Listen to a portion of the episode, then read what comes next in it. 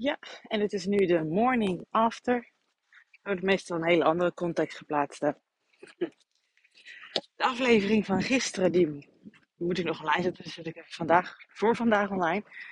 Ehm, ja, die, uh, dat, was echt hoe ik me gisteren voelde. Wat er door mijn hoofd heen ging. En de behoeftes die ik gewoon had. Um, en, en nu de next morning, the next day ben ik gewoon echt, ja, vind ik het gewoon heel tof van mezelf. Dat ik het allemaal gewoon kon laten zijn. Um, ook aangaf, en vooral bij mijn moeder, waar mijn behoeftes daarin lagen. En dat heb ik ook bij Bas gedaan, want later heb ik nog met hem gepraat. Um, en ja, en dan merk ik nu dat de volgende dag, dan gaan er weer wat dingetjes klikken bij elkaar, puzzelstukjes die iets meer bij elkaar, in elkaar vallen. Um, ja, waardoor ik weet, oké, dat was dus nodig. Weet je wel, het is, het is gewoon fijn, daarom ben ik zo blij ermee. Of blij, ja, nou, vind ik het zo tof van mezelf dat ik het gewoon doe tegenwoordig. Ik laat het er gewoon allemaal zijn. Niet wetende wat het, wat het op gaat leveren, wat ik graag ga hebben. Uh, of ik antwoorden op mijn vragen ga vinden. Of het uh, iemand anders wel of niet gaat raken. Ik neem gewoon mijn eigen gevoelens, behoeftes daarin laat ik gewoon zijn, neem ik serieus. En uh, ja, ik ben gewoon heel, ja, toch heel erg blij dat ik dat gedaan heb. En ik dacht, ik vind het toch wel even fijn om te delen hoe het nu gisteren met moeder ging. Want ik uh, hing op uh, toen ik ja, bij hem kwam aanrijden. Mijn moeder was gelukkig ook alleen thuis. Niet dat het uit met mijn vader, maar dat is toch net iets anders. En ze had natuurlijk al lang door waarom ik kwam. Ook al heb ik alleen maar gezegd van, nou ben je thuis, kan ik langskomen. Dan, uh, ja, ze wist het al. Ik wist ook dat ik het niet hoefde te zeggen. Ik wist ook al dat zij het wist. Dat is een ding, een gevoeletje of zo. Ik weet het niet. Dus ik kwam binnen en het eerste wat ze zei was: Volgens mij heb jij een grote knuffel nodig. Ik denk, ah, wat heerlijk dat je dat aanbiedt. Dus ik heb eh, die knuffel genomen. We hebben minutenlang geknuffeld. En op een gegeven moment moest ik ook gewoon huilen. En uh, nou, ik heb hem gewoon goed beetgepakt. het was gewoon echt heel fijn om gewoon mijn moeder zo te voelen. En dat met, met haar te mogen delen, gewoon echt mijn emoties. Waar ik de eerste keer dat ik de vorige keer, uh, op een gegeven moment uh, het ongemak het overnam. Dat ik denk, oh, dat is zo nieuw en uh, misschien moet ik nu loslaten, want weet ik veel, ik voel, ik voel mezelf er ongemakkelijk bij. Want ik had nu gewoon totaal niet.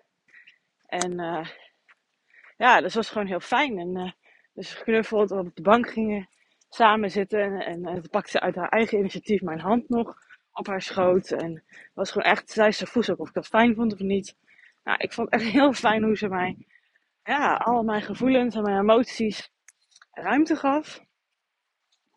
En uh, ja, hoe ze er ook wat, wat initiatief in nam. En echt liet blijken met haar gedrag en haar woorden. En de aandacht die ze ervoor nam, hoe ze voor mij wilde zijn.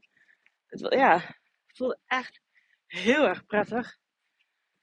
Oh, het was gewoon zo fijn. En uh, nou, we hebben er ook gewoon over gepraat. En ze luisterde vooral ook gewoon. En precies wat ik gewoon nodig had. En kwam ook omdat ik het eh, aangaf. Maar ze pikte het heel goed op. Het voelde gewoon echt ja, precies wat ik nodig had.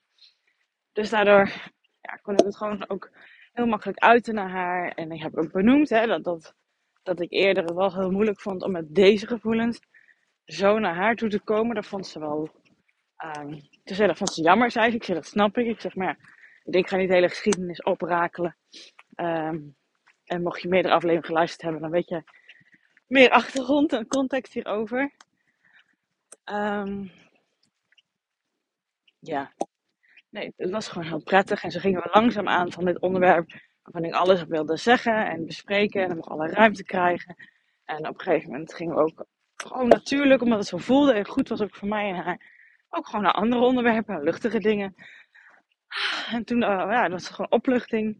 En dat was gewoon heerlijk. En uh, ook al heb ik dingen in de podcast gezet die ik gisteren zo voelde, ik weet nog niet hoe ik er vandaag in zit. Dat zal met de tijd een beetje zich uitwijzen met de ontwikkeling hierin. En dat weet ik allemaal nog niet zo goed. Um, dan ga ik ook nog steeds, uh, dat ik gewoon zo goed. En dat mag ook allemaal gewoon. Juist doordat, tenminste dat is mijn ervaring. Juist doordat ik het er laat zijn, Dat ik het ruimte geef. Mag het nog niet mag weten. Het mag uitvogelen. Het gewoon in contact met mezelf mag blijven. En zo dus in het proces verder gaan zonder dingen af te dwingen of weet ik veel. Dat soort dingen eh, werkt, dat werkt, merk ik gewoon enorm goed voor mij. En daar ben ik gewoon heel erg dankbaar voor. Dat ik dat nu durf, dat ik het nu doe. En dat ik het dus zelf bij mijn moeder kwijt kan. Ik had dat gedacht. Bijzonder, ja. Dus ze zei ook al, nou dan wacht ik hier elke maand of niet. Met goed nieuws. Ik zeg, nou ja, ik zeg, elke maand is voor mij wel anders, merk ik. Hoe hard de, ik wil zeggen klap, maar nou, het nieuws, de, nou, de ongesteldheid binnenkomt. Dus ik zeg, nou, dat weet ik niet, kan ik niks over zeggen. Ze zegt, maar je bent welkom. En ik vond het zo mooi dat ik die ruimte gewoon bij haar mag innemen daarvoor. Ja, prachtig gewoon. Oh, jongens, wie had dat gedacht? Ik weet nog dat ik uh, afgelopen december zat te janken in de auto. En ik zo graag naar mijn moeder wilde hiervoor. Maar omdat ik gewoon niet wist of zij dit kon ontvangen. Of zij mijn emoties aankon. Omdat ze dat heel lang heeft, niet heeft gekund. En dat, dat, dat, dat die kwetsing daarvan voor mij erger leek dan dat het maar in mijn eentje verdragen. Die dat alleen gevoeld te hebben. Ook al heb ik Bas, ook al heb ik mijn schoonouders, ook al heb ik mijn vriendinnen.